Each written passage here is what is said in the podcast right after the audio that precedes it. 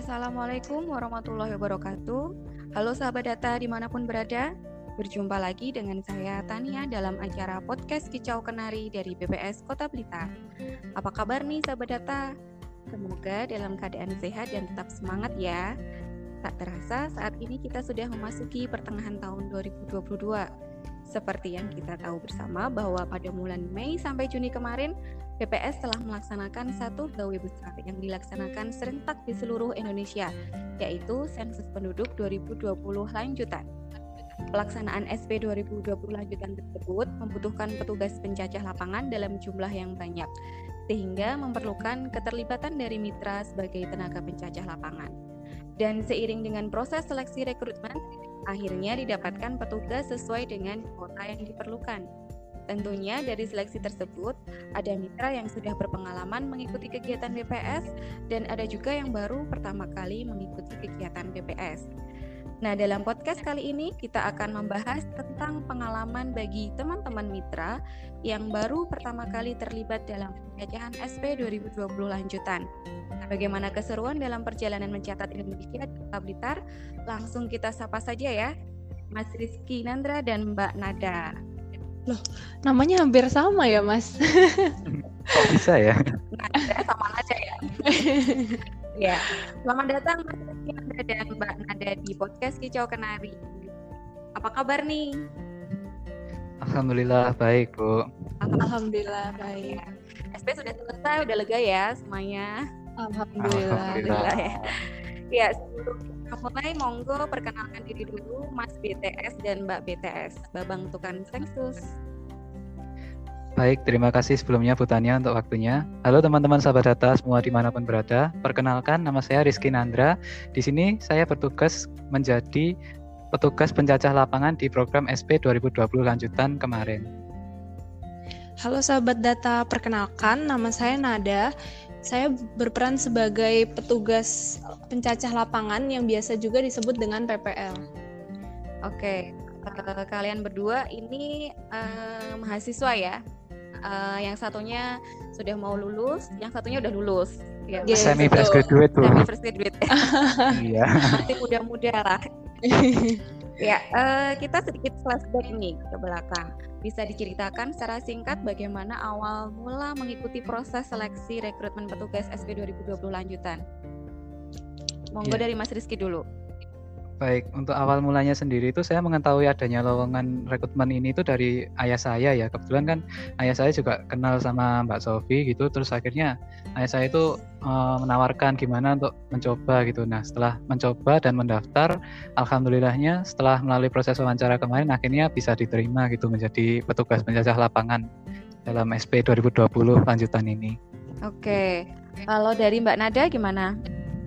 Kalau saya mendapatkan informasi mengenai lowongan dari BPS ini dari kerabat saya yang sekarang juga menjadi petugas PPL, Bu. Terus kemudian saya mencoba untuk mendaftar dan alhamdulillahnya diterima juga. Alhamdulillah. Jadi uh, udah mulai udah melalui proses seleksi ya, seleksi ya, rekrutmen petugas kemarin ya dan betul. sudah dinyatakan lolos. Oke, kalau sebelumnya pernah ini nggak uh, dengar-dengar kegiatan sensus lanjutan uh, sensus penduduk lanjutan ini dari mana? Dan kira-kira apa yang memotivasi sehingga berminat untuk terlibat dalam kegiatan ini, Mas Rizky? Uh, untuk kegiatan ini sendiri itu saya sudah pernah lihat itu di media sosial ya Bu ya. Kan kebetulan DPS sendiri itu punya Instagram gitu, terus juga ada baliho-baliho juga di pinggir-pinggir jalan biasanya. Nah, untuk motivasi saya sendiri itu kan ya mengingat saya tadi masih fresh graduate ya, jadi saya masih mencari gitu pengalaman mengenai bagaimana itu tentang dunia kerja seperti itu. Oke, jadi ini ya, apa baru pertama kali ini ya pendataan apa uh, di BPS ini baru pertama kali ya, Mas Rizky. Betul, Bu. Dan Mbak yeah. Nada juga mungkin gimana? Kalau Mbak Nada gimana? Iya, kalau saya tahu BPS Niki awalnya dari media sosial juga, Bu. Terus juga rekan kerja saya Niki ada yang kerja di sini juga sebelumnya. Terus uh, kalau saya pribadi ikut kegiatan ini karena ingin mengisi waktu luang saya selama skripsi, Bu. Kan pusing juga nih kalau di depan laptop terus. Ya. Kita merasa juga gimana jenuhnya di depan laptop terus ya. Jadi pengen refreshing gitu laptop ya. Laptop buku, laptop buku ya. Iya. ya uh, alhamdulillah jadinya udah jadi petugas sensus kemudian terlibat dalam kegiatan ini ya. Uh, okay. Sebelumnya uh, punya ini nggak bayangan bayangnya gimana sebelum ikut terjun ke lapangan ini ada bayangan gimana? Kalau untuk bayangan sendiri sensus? itu ya kebetulan waktu proses seleksi kemarin khususnya di proses wawancara itu sudah dijelaskan Bu sama uh, Mbak Debi ya kebetulan dulu yang waktu itu mewawancara saya.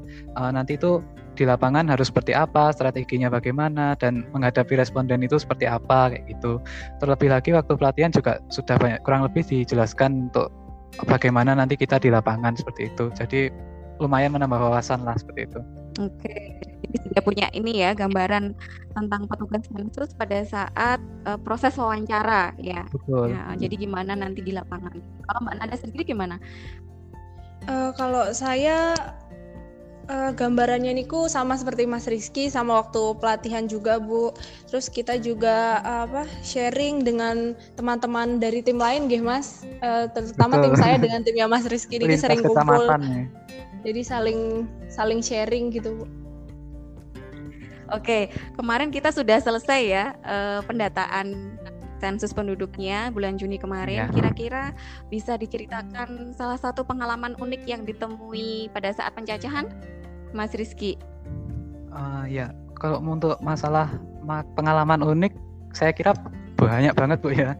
ya. Tapi yang paling berkesan itu ketika saya harus menemui salah satu responden yang mungkin orangnya susah banget untuk ditemui gitu uh, entah dia ada kegiatan di luar kota atau acara di tempat lain yang mana menyebabkan responden itu sendiri itu uh, jarang sekali ada di rumah seperti itu nah akhirnya ya harus mau tidak mau pagi siang malam kadang ke sana bolak-balik gitu buat nyari responden tersebut ya itu tantangan sebenarnya ya mas ya betul uh, harus bisa menemui responden sampai ketemu itu tuh sebuah iya. tantangan tapi kan nggak semua ya enggak alhamdulillahnya bu kayak gitu iya ya, gitu kan ya iya yang susah ditemui. Memang waktunya juga harus tepat ketika mereka ada di rumah ya e, sebisa mungkin kita juga datengin gitu kan iya, ya. Iya, betul.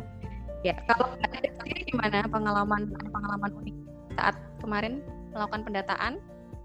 Kalau saya pengalaman uniknya lebih seperti kereuni masa kecil sih Bu. Kebetulan kan saya mendata di lingkungan saya sendiri dan saya juga jarang ada di rumah. Jadi waktu mendata warga itu sempat ditanya, Mbak rumahnya mana? Anaknya siapa? gitu. Kemudian kalau saya jawab niku mesti malah jadi kayak apa reunian gitu jadi cerita katanya responden loh dulu loh sering main ke sini gitu hmm. seperti itu karena udah lama ya dulu nggak nggak tinggal di ini ya di kota Blitar yeah, ya. betul. Jadi pengalaman ini seru gitu ya iya. waktu mengingat masa lalu gitu ya. Nah untuk kendala sendiri yang dirasakan saat menjadi petugas sensus kira-kira apa Mas Rizky terutama mungkin di lapangan kemudian iya. penggunaan yeah. aplikasinya seperti apa? Uh, kalau untuk kendala di lapangan sendiri yang saya alami itu ya kurang lebih seperti tadi itu Bu yang apa harus susah mencari responden itu. Uh, untungnya core tim saya entah koseka saya itu juga support gitu bagaimana caranya untuk apa ya kasih tips dan trik gitu Bu. Nah untuk aplikasinya sendiri saya kira hampir semua PPL juga sama ya pasti mengalami yang namanya susah submit atau mungkin uh, ada rejekan kayak gitu. Tapi kalau masalah aplikasi sendiri sih yang akhirnya bikin saya senang itu ya ketika di aplikasi keterangannya sudah berubah menjadi hijau semua gitu. Jadi enak gitu buat dilihat. Ya, enak ada hijau. Ya. dengan warna iya, merah. Iya. Kalau merah kan ya entah pusing, silau, enggak enak gitu. Iya, iya. Uh, kalau Mbak Nada gimana Mbak Nada? Kalau saya kendalanya lebih ke cuaca sih Bu saya kan biasanya mendatanya itu selalu didampingi oleh core tim saya nih Bu.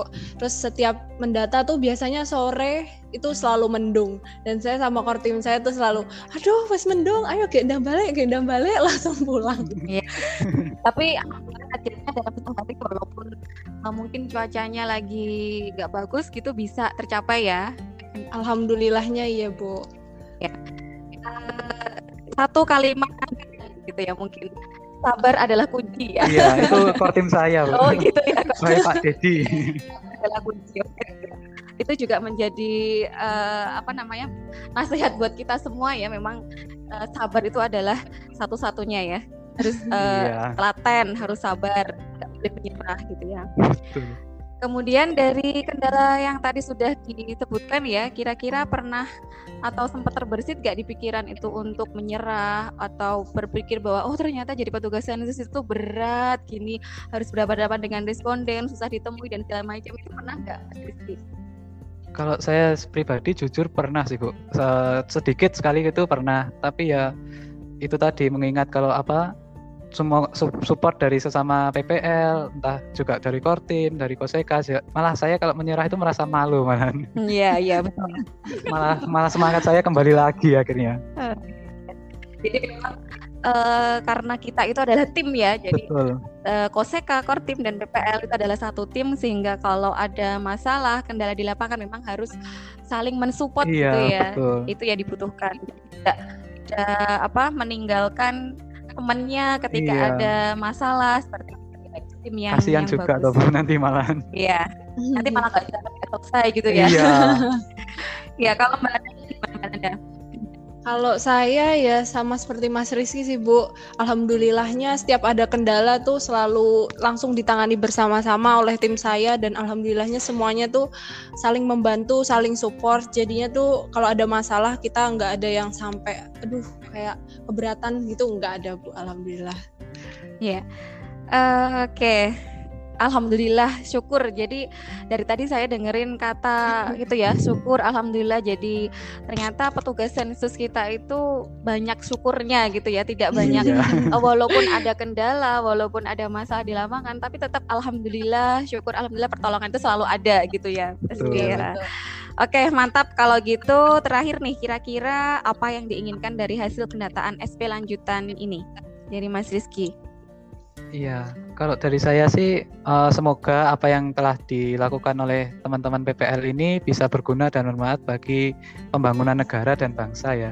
Khususnya terlebih lagi buat teman-teman yang sedang uh, menempuh skripsi perjuangan terakhir ya teman-teman.